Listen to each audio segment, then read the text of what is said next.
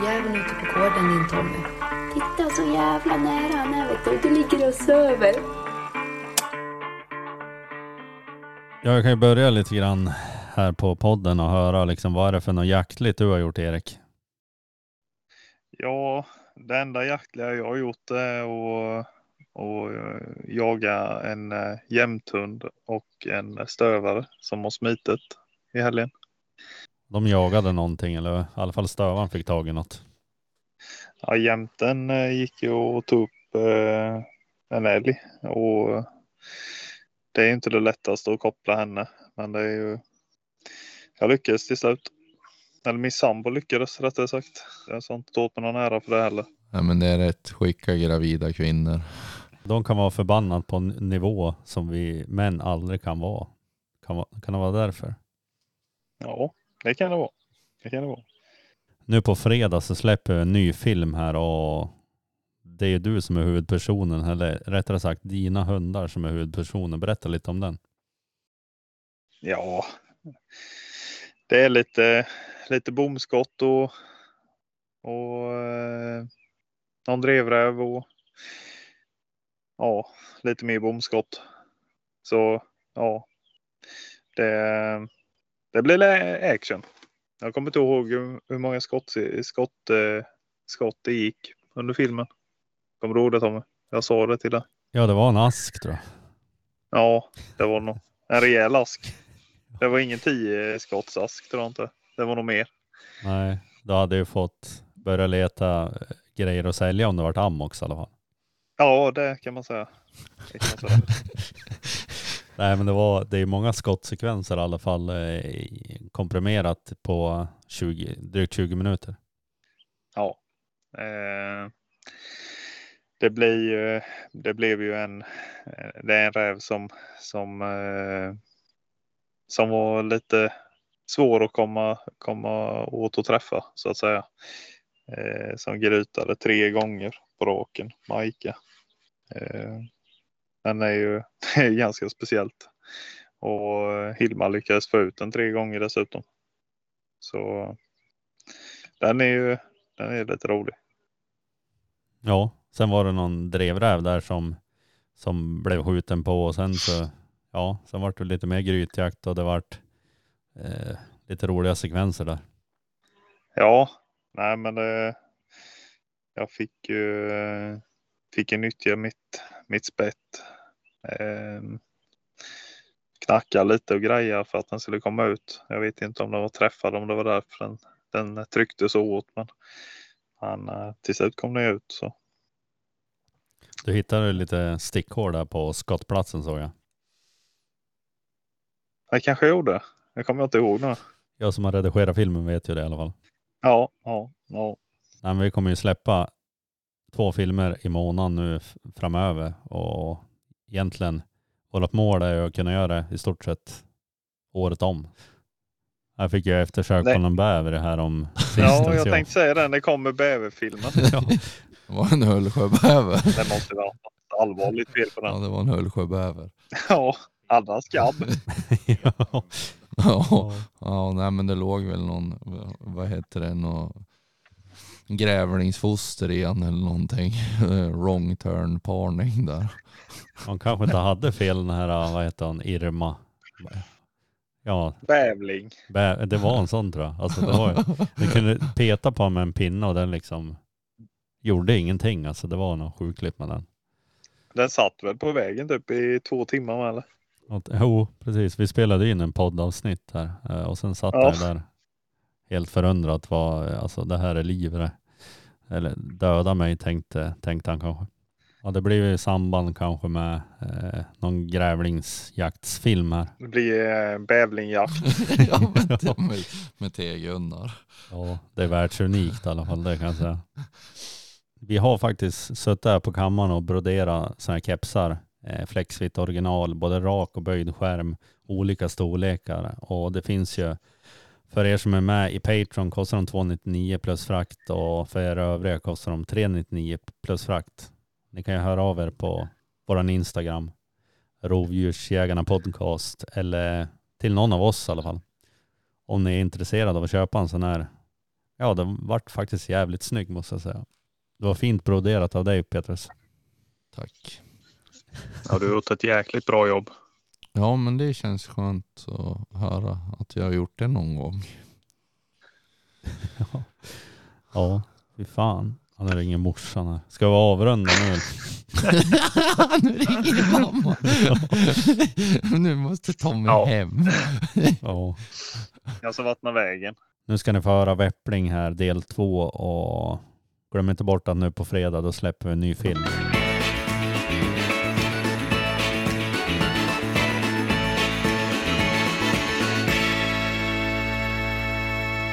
Rovdjursjägarna med mig Tommy Mig Petrus. Och mig Erik. i samarbete med Hunter. Du ska satsa på björnjakten framgent här då. Ja, det blir det. Men eh, det blir väl nu är det, ju- blir det ju nästan mer intressant med unghundarna. Det, blir ju, det är ju alltid när hundar är färdiginjagade och så, så är det ju, då är väl lite, man vill ju nå dit, men när man har nått dit, då, då är ju borta en stor del av tjusningen. Det är som, alltså vägen dit som är roligast. Det är, jag kommer att tycka att det är roligare först och ståndskalle på grävling med, med de här unghundarna än vad jag kommer att tycka om jag skjuter en björn liksom, för en äldre hund. Utan, så att, eh, nu ser man det kanske mest fram emot det. Då. Som björnjakten är ju alltid rolig men det är, det är inte själva hundjakten så ser jag fram emot att få igång de här yngre hundarna. Det är det och sen är det Westgårds eller som du ser fram emot. Eh, Västgård brukar ju komma före. Det börjar dra igång så det brukar ju vara som uppvärmning. Brukar jag, brukar jag se det som. Men eh, vad är, vad är det konstigaste kläderna du har haft när du dödade en björn eller när du har gått på björnjakt? Ja, kalsonger och poppatofflor har jag haft. Det vet jag. Tight, tights har jag haft många gånger. Eh, jag har aldrig varit naken. Nej, det är nog kalsonger och poppatofflor. Det det kanske det. Det kanske är det mest utstickande. Och du har, har du upplevt att det har gått bättre då eller sämre? Det har väl egentligen gått bättre, men poppatofflor är ju, man skulle ju ha stålhätta eller under dem stålsula på dem för det, är ju, eh, det gör så jävla ont att trampa in en torr jävla gren in genom skon och in genom foten. Men gympaskor och kalsonger, det är väl, då är det väl liksom, då är man väl mest effektiv för då är man snabbast. Så det är väl de bästa jaktkläderna i augusti i alla fall. Ja, Det- Nu kommer vi få se någonting fult när Tommy kommer i kalsonger och gympaskor. Så det var inget bra. men då, jag har ju sett att ha några underkläder eller vad det heter, underställ som är, är det någon leopard eller vad är det? Vart köper man dem undrar? Nej, det, jag vet inte. Jag har blivit infall på olika ställen. Jag har ingen minne om vart det är. Nej, det där kommer väl ifrån att jag alltid gillar 80-tals hårdrock. så Jag alltid gillar färger. Så att då, när jag har köpt sådana där, då har jag ju köpt färger när jag har sett dem. Så då, då har det blivit att jag har dem. Jag går liksom omkring. På vintern har jag ju långkalsonger när jag går omkring inne. Så att det blir på hösten när det börjar bli lite kallt på nätterna, då har jag ju har jag sånt där då, då tycker jag det är roligare när de är zebra eller leopardmönster än om de är va- vanlig brun. Det, det har ingenting med Nej. alltså, att du känner dig kamouflerad när du går på ett ståndskall? Nej, nej, nej. Hur många björnar har du egentligen varit med på och lagt ner? Eh, den, där, eh, den äldsta, eller den hunden jag hade som var duktigast, han vet att det var skjutet långt över 150 björnar för. Så jag vet inte exakt, men eh, sen sköt ju inte jag en bråkdel av det, utan jag har väl i princip alltid låtit andra skjuta. Det gör jag alltså nu för tiden. Alltså, jag, jag har ju med gevär, men jag gör ju allt för att inte skjuta själv. För att jag har absolut ingen glädje att skjuta björnarna själv när jag vet att det finns de som tycker att det är väldigt, väldigt roligt. Eller alltså att de, för dem är det en liksom stor grej att skjuta, liksom en upplevelse. För mig är det ingen upplevelse att skjuta dem. Min upplevelse är att släppa hundarna och liksom träna hundarna på dem. Så jag har ingen, alltså, jag, jag, är glad om jag slipper skjuta. om man säger så. Men det blir väl också en kostnadsfråga? Blir inte, måste man inte börja, eller går det bra liksom att bara ha ett skinnstycke, eller hur? Ja, du, får ju, du kan ju använda skinn för att träna hundar. Då, då det ju ingenting du behöver göra. Alltså bara torrskrapa och salta så kan det vara så. Men jag har inte behållit något skinn. Jag hade en väldigt mycket björnkranier för men jag gav bort i princip alla. Jag tror jag har ett björnkranier kvar som pojken hade fått när han var väldigt liten. Annars har jag gjort mig av med det mesta. Mycket av hundarna äter upp kraner som jag stått när de har varit rastlösa. Nej, det är därför känns det väl fel också. Jag ser ingen anledning att jag ska skjuta en björn och så vill jag inte liksom bereda och ha kvar det heller. Då blir det ju bara att jag säljer och då är det ju bättre att man kommer överens om att är man några stycken som jagar tillsammans som att man, att man säljer björnen gemensamt och delar på pengarna. Eller att man låter i första hand de som inte har skjutit björn eller liksom, ja, att, det- att det faller på dem då, att, de, att man styr det liksom. Man kan ju ofta styra liksom att när det blir ståndskall så får, väljer man ut vem som ska få skjuta dem. Men du har aldrig liksom tagit betalt för, du sa att du var jaktguide där, har du varit inom björnjakten också? Eller? Nej, utan det var utländska jägare jag- jag- som jag guidade. Så det var älgjakt och skogsfågeljakt, tvärskällarjakt, stående fågelsjakt och så liksom eh, ja, toppfågel på vintern.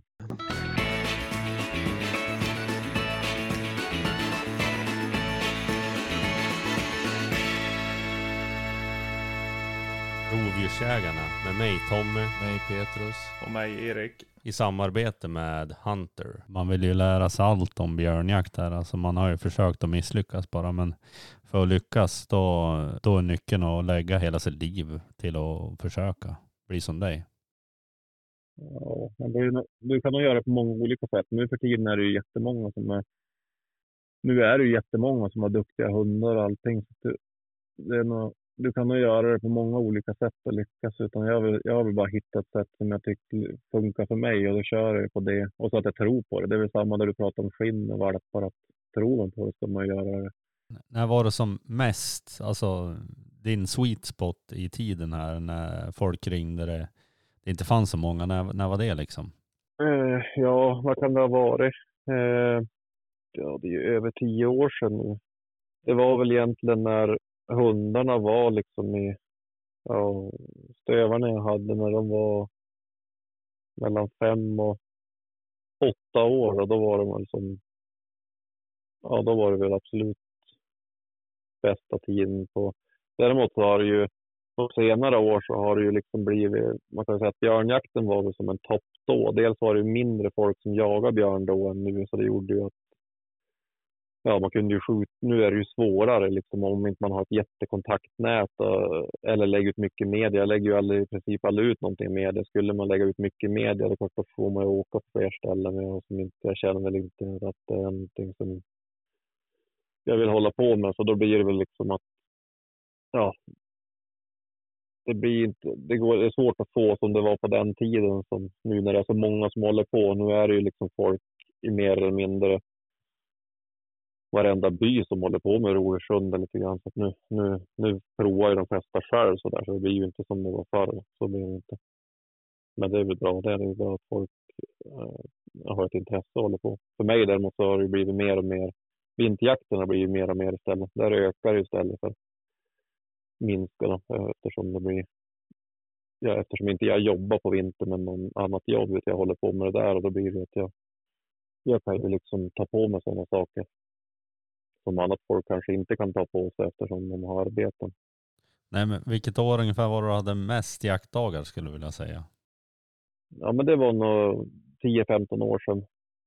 Eh, Jag var väl, eh, jag brukar väl ligga kring 300 dagar men då var det många dagar man inte fick jaga. Men då bandade jag och sådana saker som du, kun, som du fick göra. Du får ju banda och du får ju spåra med hundar även om det inte är jakttid. Om du, om du gör det liksom inte i syfte att skada eller döda. Då. Så att jag brukar väl ligga ungefär på 300 dagar per år med, med alltså att jag var ute med hundarna i någon form av träning när det var som mest. Vad gjorde du de andra dagarna då undrar jag? Eh, ibland drack jag alkohol lite grann. Är det- Gjorde, Är då du skriver konstiga saker på Facebook? Är det under, Ja. är det liksom så? nej, nej, det där, den tiden hade jag som sagt inte Facebook eller någonting. Då var det tur att jag inte hade det då. nej, men då var det väl att det vart, då var det väl, vart det väl fästning. Jag var mycket ute och reste runt England och Tyskland på olika festivaler och grejer så man drog iväg läng, lite längre perioder sådär. Men annars var det väl jämt. Jag jagade ju alltid julafton när jag var yngre och nyårsafton. Jag firade väl aldrig nyår förrän jag var ganska gammal. Jag minns att jag vakade alltid räv på nyår när jag växte upp. Hela min uppväxt låg jag utgrävd nedgrävd i snön någonstans när alla andra. Jag firade väl nyår så höll jag på med sånt där. Jag får en bild nu framför mig att jag är som en sån här gammal sniper så att det liksom har eh, snön, snö i mun för att det inte ska bli Ja. ånga. Ja, nej, det var precis så.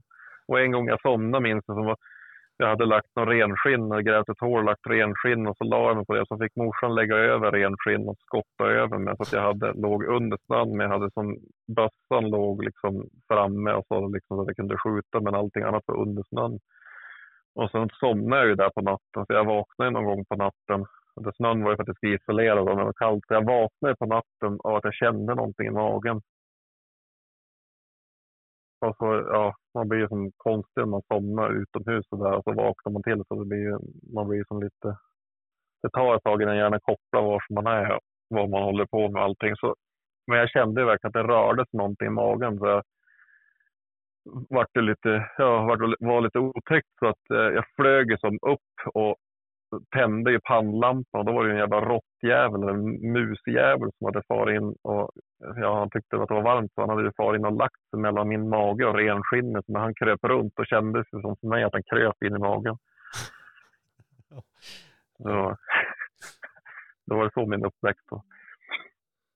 Ja, en del skulle tycka att det var misär men andra kanske Mm. är helt underbart skulle jag tro. Ja, nej men det var, det var väl det man ville hålla på med. Men det har varit, varit det många åtelrävar. Det låter som att det gick in för det i alla fall. Så att det lär ha blivit en del tänker jag.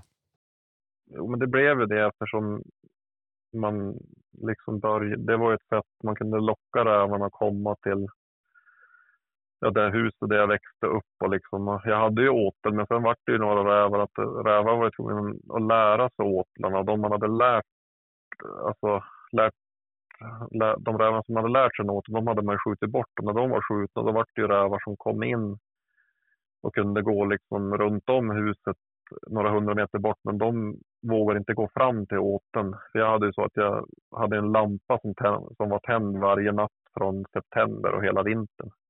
Men det gjorde väl att rävar som kom in liksom i januari och inte hade varit där förut, de vågade inte gå dit där. Alltså när man, norra Sverige, de vågade inte gå, alltså, gå där det var en lampa tänd. Så det gjorde att de, de var ju på andra ställen. Så det gjorde att jag la ut liksom mat eh, ute på åkrar och sånt och grävde ner och så. Och då var det det här med att jag var tvungen att själv ligga ute. Jag satt, jag satt ju uppe i träd och, och grävde ner mig i snön och gjorde olika saker. Byggde ju kojor som jag kunde dra ut. Men det var också att de, det funkar ju inte om du drar ut i norra Sverige, drar ut en koja och så sitter du där två dagar senare. Då vågar de inte komma. Du måste liksom bli van allting. Så det enda som funkar var att gräva ner sig i snön eller sitta i ett träd. Men allt blir ju som komplicerat när du när det har gått några timmar och det är kallt ute så att det räcker ju att det är 20-25 minus och blinkar det så fastnar jag i ögonlocken. Så då måste du ju av med handskarna och få upp ett finger för att tina ögonlocken för att kunna öppna ögonen till exempel. Och så har du då kläder som inte är anpassade för sån kyla så då skrapar det och låter så det hör ju rävarna på en kilometer. Så det var mycket man fick tänka på som man, som man inte tänker på när man är ute på dagen. Hur såg din laggårdsvägg ut då? Var den eh, fin och röd? Mm, Jag, jag flådde dem alla rävar i början. Jag flådde dem direkt. Jag lät dem i princip aldrig hänga. Utan jag, jag flådde dem inom ett dygn tror jag. Så skrapade dem och gjorde. Jag hade köpt såna här VHS-filmer där det var alltså hur man tog tillvara. Så jag hade köpt taner och sånt. Så jag gjorde så. Så var det någon som åkte runt på marknader då för den, alltså på vintern och köpte upp skinn. Så jag sålde alla skinn. Gjorde jag. Under hela uppväxten. Men sen i och med att jag blev, ja, kan jag ha blivit, alltså 18 år, lite äldre där, då vart det väl att jag, ja, då vart det så mycket så då vart det, då sparade jag i princip ingenting. Jag sparade mycket horn från älg och rådjur i början, men sen vart det att jag inte, att jag inte sparade någonting. Känns som att jag hade en jävla dålig uppväxt nu. Jag trodde det var ett nättroll bara, men det verkar jag ha jagat lite grann. Ja, nej, jag hade ingen. Jag hade första mobilen jag köpte det var väl 20, när jag var 20 år och då fick jag sån jävla skit för att jag missade. De skulle ringa med folk som hade drivit in rävar som, som inte hade terrier. Då fick de in tagen och så köpte jag en sån här Nokia knapptelefon så att jag skulle kunna få tag i mig. För jag var också ute och jagade så de kunde inte ringa på en telefon. Så då, det var väl därför jag skaffade, skaffade första mobilen. Det var för att kunna åka på grytjakt. Då. Ja, det låter som att det har blivit några rävar här. Men, men en fråga som jag kom på nu här, vilken är den största björnen du har varit med och skjutit eller hur jag ska uttrycka mig? Eh, ja, men det är ganska många som är mellan 200 och 250. Är det. Eh, sen är det svårt att... Sen har jag varit med på en skyddsjakt eh, då de beräknade att det skulle vara Sveriges tyngsta björn. Där de, den där sköts, den var ju kring 300 kilo i slutet på april. Så de beräknade att den kunde förmodligen ha vägt 400, kring 400 kilo på hösten. Eh, men annars är det väl liksom mellan 200 och 250 ganska många. Kan vara någon som är alltså 260-270 men det är ingenting som jag liksom minns exakt. Så jag har väl inte varit sådär äh, med, med, när man inte bryr sig om troféer och sånt där. Då, för mig har det aldrig varit liksom, man ser om björnen är stor, sen om den väger 20 kilo hit, kilo dit eller så där, det spelar liksom ingen roll för mig. Man märker, det är liksom färgen, om den är, kommer ihåg den på en viss färgtyp, att den är svart eller ljus, eller sen om den är stor eller liten. Det inte, jag bryr mig inte så mycket om vikten. Det är bara viktigt att den kommer springande full fart mot dig så att du får en match. Ja, precis. Ja, men det låter som att du har haft ett intressant eh, jägarliv så här långt i alla fall. Och det får ju, jag vet inte, det här död, massiva dödandet av rävar låt, som jag och Petrus håller på med eh, känns ju lite eh, mellanmjölk på något vis. Jag tror att ändå att det, rävjakten som gör att man utvecklas mest som jägare just att du har du har möjlighet att jaga ett vilt varje dag du är ute. Utan det är ju det som blir nackdel med björnjakt och sånt där. Det blir så många, långa perioder då du inte kan jaga. Man måste som se att björnjakten är liksom en del av jaktåret. Men det är, man måste hitta någonting. För mig nu är det ju skyddsjakten. Det är ju det som jag får hålla på med. Men har man inte den möjligheten då måste man liksom jaga alla de där vilten, räv och grävling och mård för att få det liksom att fortgå hela säsongen så att hundarna ska utvecklas så att man själv utvecklas. Man skulle liksom, hade man inte jagat räv tusentals dagar innan man började jaga björn, då hade man ju inte haft man, hade ju, man kunde ju använda den kunskapen man hade fått inom rävjakten till björnjakten. Det var bara att man var tvungen att tänka om lite grann, men man hade ju ändå en grund i, i, i själva jakten. Ja, vad, vad gör du den 21 augusti 2023 då? Ja, det beror på vilken tid. Ja, noll, jag noll. brukar ju 03.00 då brukar jag ju vara vaken. Eh, störa folk som försöker sova, som vill få några timmars sömn, så brukar jag väcka dem och fråga om de är trött. Eh, 04 ungefär likadant. Sen, eh, sen går man ju upp eller upp de andra och sen är väl innan klockan åtta är väl första björnen död. Är väl tanken. Ja, är det på hemmarken det brukar vara då eller är det liksom? Nej, det blir det inte. I år blir det på några olika ställen, men jag tror inte att jag börjar i närområdet i början. Det gör jag inte. Det blir väl liksom två, man kan väl säga att det blir två veckor som, alltså som det blir. Det är ju fram till älgjakten. Sen blir det ju som, för mig blir det i princip ingenting när älgjakten börjar, utan det är så mycket det är så komplicerat det där med jakten om, om man liksom, ja, hit och dit. Så jag tycker att det tar som upp så jävla mycket.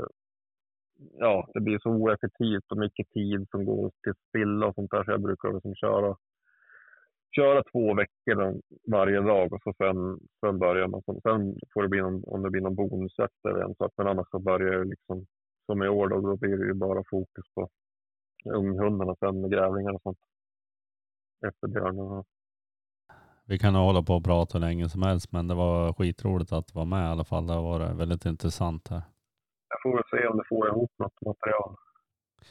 Jag tror det. Det vart ju ganska bra när jag gjorde den norska lösningen också så att det känns ju som... Eh, Jag, jag tänkte det först, jag skulle egentligen vara ute ikväll. Jag tänkte, hörs det tillräckligt om vi kör skoter och pratar i kåporna? Men jag tänkte, ja, det nej, kanske blir... det hade blivit... Ja, Speciellt. för sig om du hade åkt på någon skyddsjakt och va, nu kommer Ja. man rätt emot och bara- Då hade det varit kanske lite effektivt eller roligt för oss. Nej, för Billy. ja. ja, annars har vi dem vi kan ta mycket tips ifrån. Mm. Mm. Du har inte liksom lyssnat på någon annan när det gäller björnjakten här? Du har inte tagit lärdom av någon Jo, annan? det gjorde jag väl. I början lyssnade jag mycket på Rasmus Boström. Pratade jag mycket med i början när jag började. För det var ju egentligen han och en som heter Staffan. Eh, det var väl de som började med... De hade ju åkt till Kanada, eh, har jag för mig. Eh, och kollat på det här med plotthundar. Så då var det väl de som började i Sverige med det. Med, före hade man ju liksom... Ja, det sköt någon på någon jämthund eller gråhund eller liksom på någon åtel eller något sånt där. Så det var väl de som började. Och det var väl liksom i den vevan inom några år där som jag kom dit till Härjedalen. Så. så jag pratade mycket med han, det gjorde jag. Men sen var jag väl så, liksom, när man är väldigt intresserad av någonting och driven i någonting, då ja, man, man ger ju inte upp om det går dåligt utan man nöter man på, även fast det går dåligt så får man svar på det mesta. Även fast du inte pratar med någon, om du bara nöter på. Men man pratade ju vissa, men det var ju både och det där. Ibland var det som sagt man fick tips, men folk sa saker som man sen lärde sig att det där var ju bara svammel det de sa. Det var ju inte alls sant det de sa, hur det är i verkligheten, utan då var det väl att det är ju både och det där. Jag tycker man ska akta sig för att säga saker om man inte vet hundra hur det ligger till. Det är som jag säger, jag, jag kan ju inte säga att det jag har gjort med hundarna, att det är så man ska göra, det funkar för mig. Men det är ju som nu är det så många som har duktiga hundar så att det är så många som gör rätt saker. Så att du, kan väl göra rätt på så många sätt och lyckas. Så att ja, man måste liksom hitta sin egen, egen väg att gå. En nyckel till framgång är i alla fall som alla har gemensamt är väl att de lägger ner fruktansvärt mycket tid för att lyckas, speciellt med Ja, björnjakt. så är det ju. Och sen är det väl, måste man väl liksom hjälpa. Jag, det, jag har ju försökt hjälpa så många som möjligt under den tiden jag hade bäst hundar för björnjakt. Och fick då hade inte, då, det var ju då det liksom började med att folk mer och mer började skaffa hundar. Så att folk fick ju släppa sina hundar med mig hela tiden. Och det, det var väl både och det där. Jag gjorde det ju för att hjälpa dem. Men nackdelen var att jag prioriterade bort mina yngre hundar. Så att det kunde, jag kunde ju ha en ung hund som jag inte hade släppt en gång medan jag hade tre kompisar som hade skjutit björnar för alla sina hundar fast de var på samma ålder. Bara för att jag liksom lät dem släppa ihop med mina, ja, min, någon av mina äldre hundar. Och där är det li- nu lite grann. Jag försöker hjälpa andra om man vill, och speciellt att få skjuta. Men jag har förstått att jag kan inte hjälpa folk hela tiden med att få igång sina hundar. Jag måste prioritera mina egna hundar också, inte bara låta andra släppa. Det är ju skillnad om man blir inbjuden till någon. Blir man inbjuden med någon, till någon, då är det ju självklart att, de, att det är på deras villkor att de ska få släppa sina hundar. Men det kommer folk till en annan så då, Så är det väl alltid liksom, eller vad jag säger oftast. Liksom om någon ringer, då är de ofta intresserade av liksom björnjakt och kanske ha egna hundar. Ja, nej, men då, är det ju, då blir det, ju- och så blir det ju som en bonusjakt. Det är ju en jakt du, aldrig, du hade ju aldrig fått den jakten om inte de hade ringt. Så att, då blir det ju liksom att då, då släpper man ju en, man släpper en hund själv. Sen får ju de släppa eh, det de vill sen. För det är ju liksom deras jakt. Men det är väl det här att om någon kommer och hälsar på mig, det är väl det som vart att eh, man, man hjälpte andra så mycket. Att man, man liksom, och så var man liksom så lugn att man hade flera äldre hundar som funkade så bra så att det vart det att man hade flera yngre hundar som inte fick jaga så mycket björn och sånt för att man lät de andra som ville få igång sina hundar gå före då. Jag tänkte mest, eh, alltså oft, hur går det då för de här hundarna man släpper på som är ganska oprövade då? Eh, Generellt. det går i regel ganska bra. Utan det är ganska lätt att få ha hundar som bara har liksom lärt sig jaga andra djur så att de liksom och lärt sig samjaga med andra hundar. Det är ju det också. Det är en ganska viktig egenskap att man lär, alltså lär hundar att samjaga ganska tidigt. Så att de både jagar själv och samjagar. Då, då följer de ju mer eller mindre bara de andra hundarna. Liksom. De behöver ju inte de behöver inte göra så mycket eget jobb utan de behöver bara vara med då skjuts det ju liksom björn som de är med på. Så det, det är ju egentligen ganska enkelt. Det är ju egentligen, man brukar, jag brukar säga att det är när hundarna blir två år. Upp till två år, då är de ju ofta med liksom rutinerade hundar och då faller det ofta allting ganska enkelt. Men när de har passerat, när de har blivit två år, då har de fått så mycket självförtroende så då börjar de liksom testa sin egen, ja, fast de går med en gammal hund så då kan de springa fortare och då gör de det och då, då, hamnar, och då blir det att de själva hamnar i situationer där, där de får ta liksom det mentalt jobbiga istället för den äldre hunden och det är då man verkligen ser liksom hur det kommer att bli med den hunden. Så oftast är väl injagningen tycker jag ganska enkel utan det blir, ja, det blir, det blir när de blir två år då, då börjar det bli liksom det här att de ska bli själv, mer självständiga och klara av det på egen hand också. Sen ska man ju undvika, man ska undvika natträningar.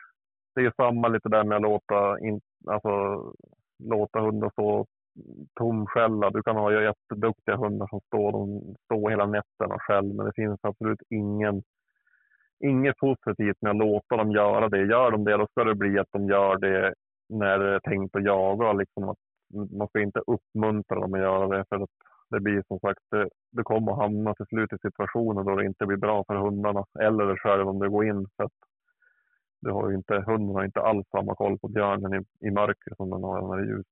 Det är ju en av anledningarna för det är så enkelt att skälla på en björn i oktober istället för i augusti. För då har ju ingen gräs, ingen löv, ingenting. De kan ju liksom stå i en tätning och så ser de björn på 20 meter. Men medan i augusti då har den sikt på en meter där det, om det är en meter gräs.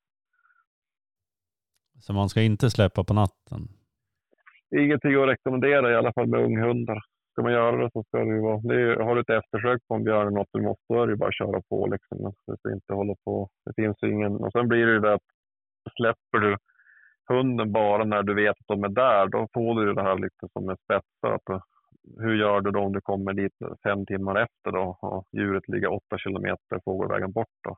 Och så har han gått väg flera kilometer då får du ändå inte upp honom. Så då blir det, lite, det är nästan bättre då att gå dit och banda i mörker först och så sen andra gången gå dit och banda och vänta en timme liksom och låta den liksom, ja, gå i lugn och ro och lära sig ringa och, och berömma den när, när man liksom ser löparen att den passerar och ställer där du ser att det är rätt spår den följer.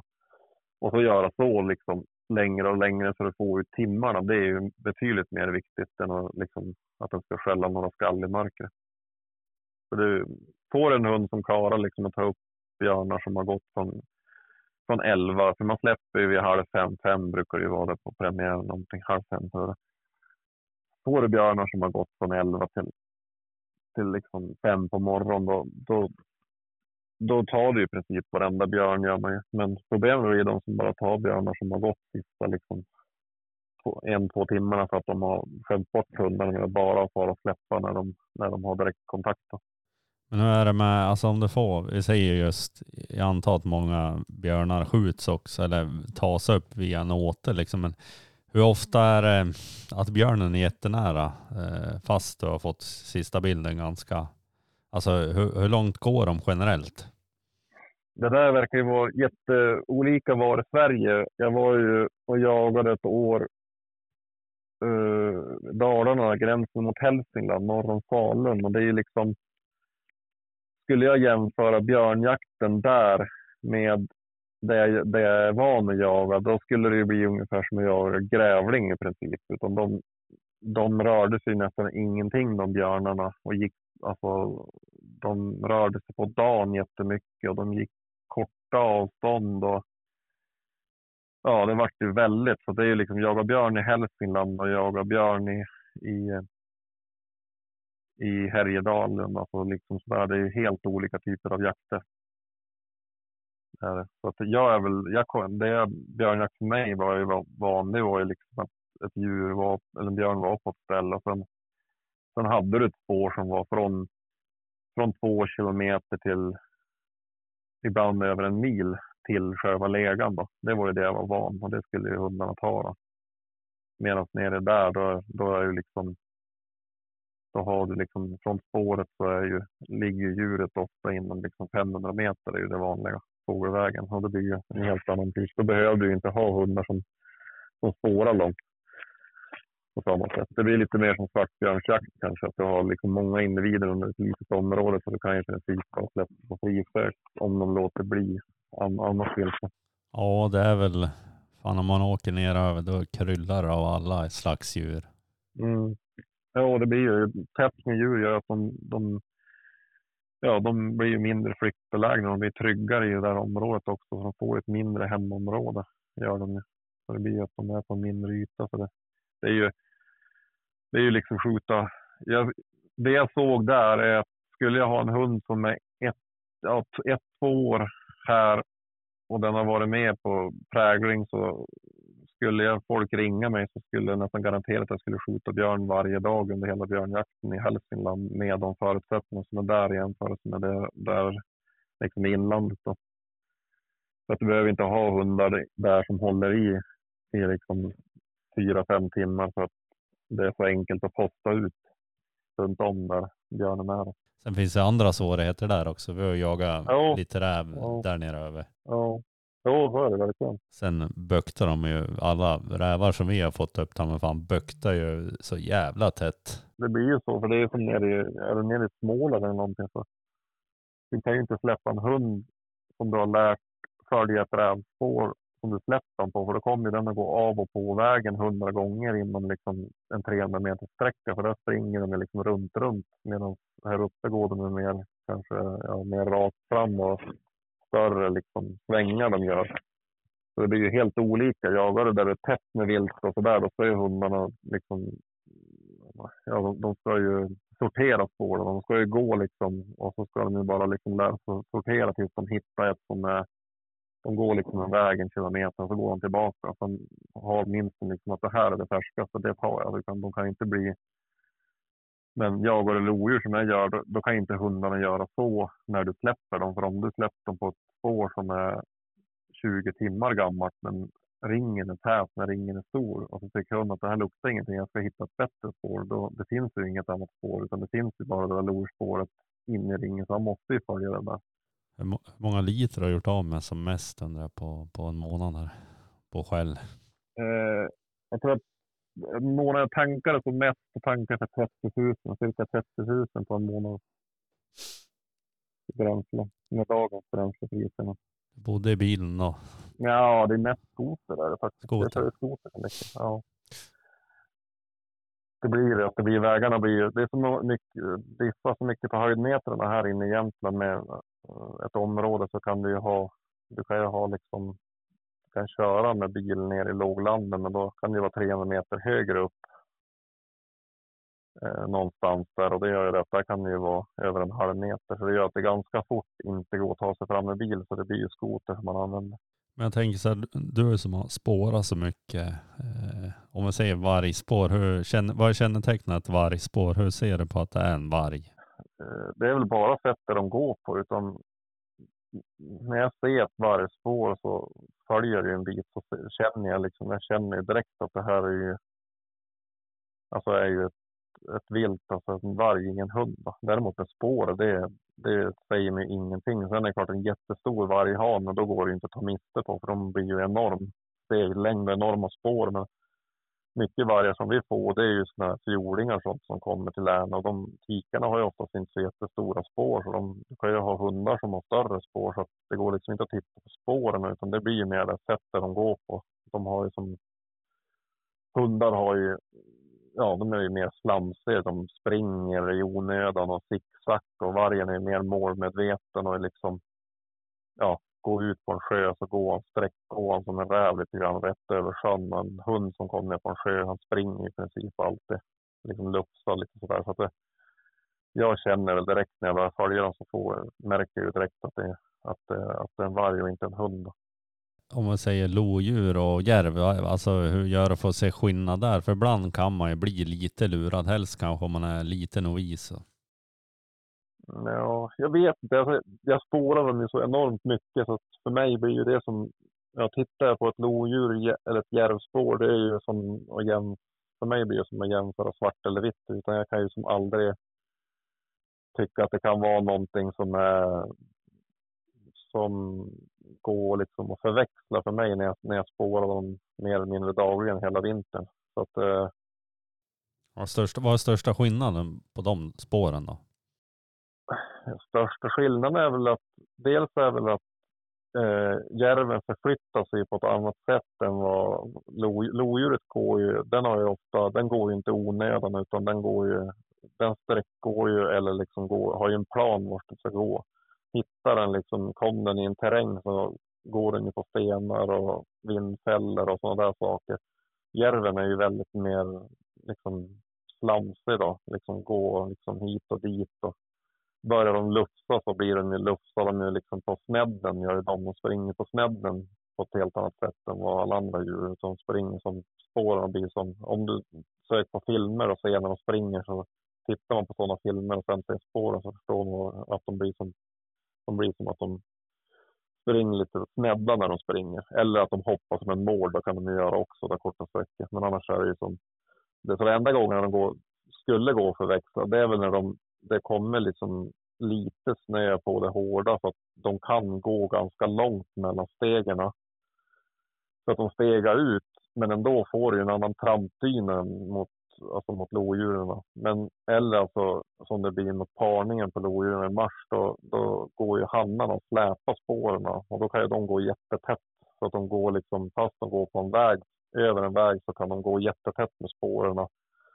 Och liksom det gör de ju när det, när det är parning. De gör ju så för att det är en parningsgrej. Så då går de ju och så spretar de ut med fötterna och så liksom drar de nästan fötterna så det blir som lite så släpspår. Då.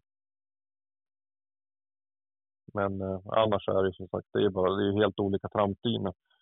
Det är ju nästan lättare att förväxla björn med, med järv än vad det tycker jag med lodjur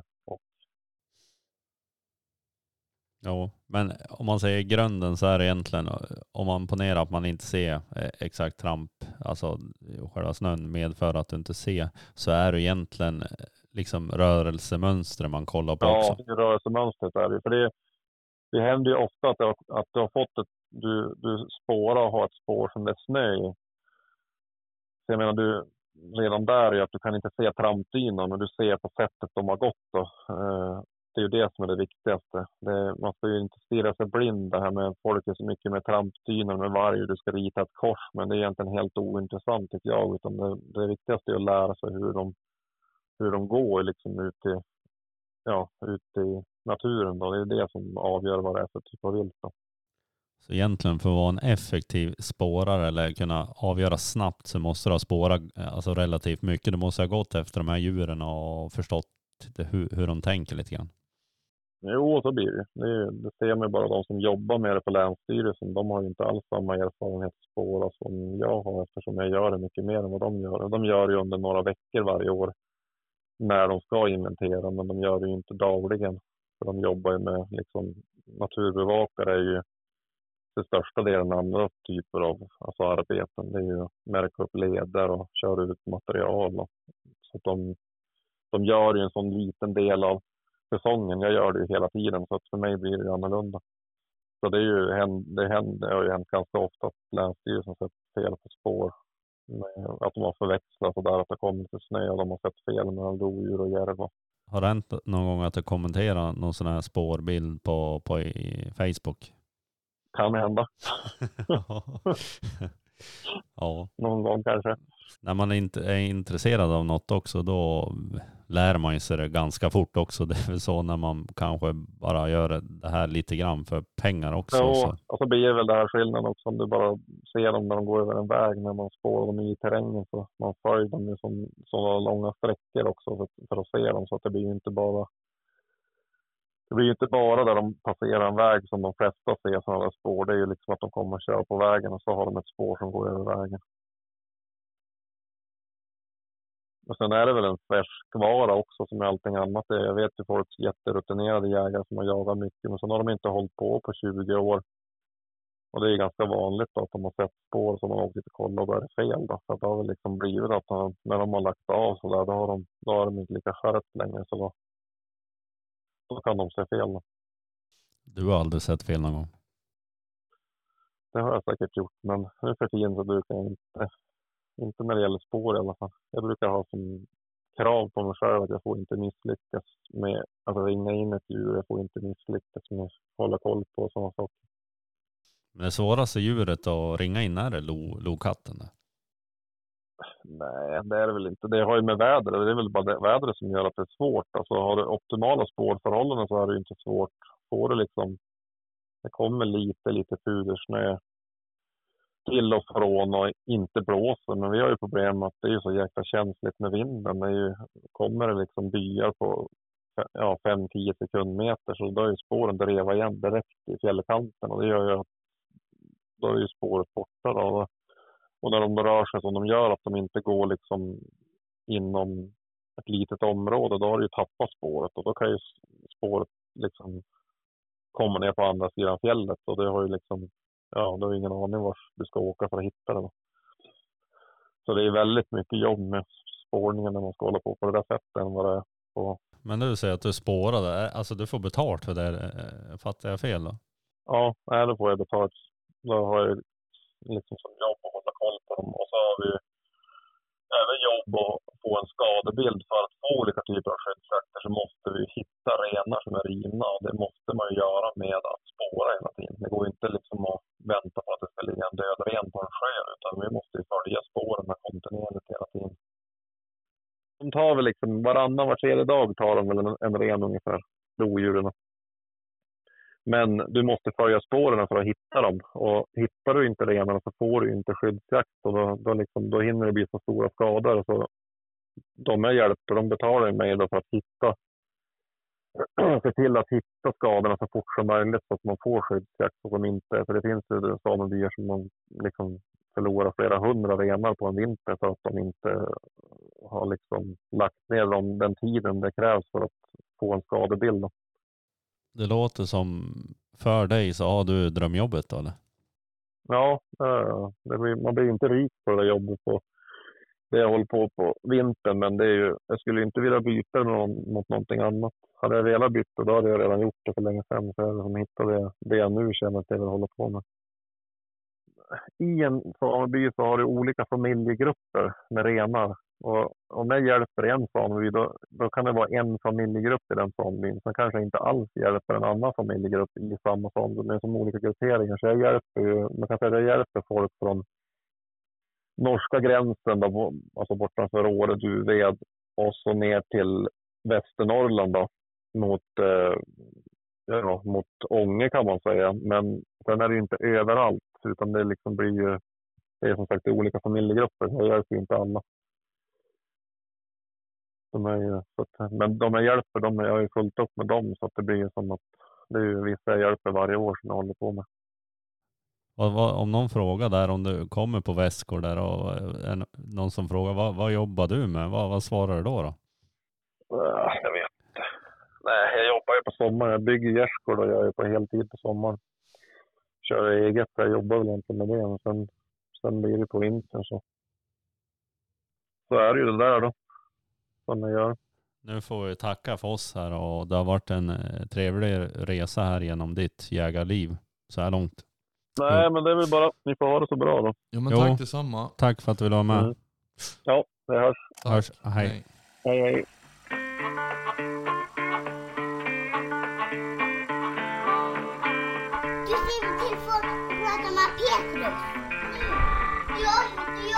jagar och jagar. Du jagar och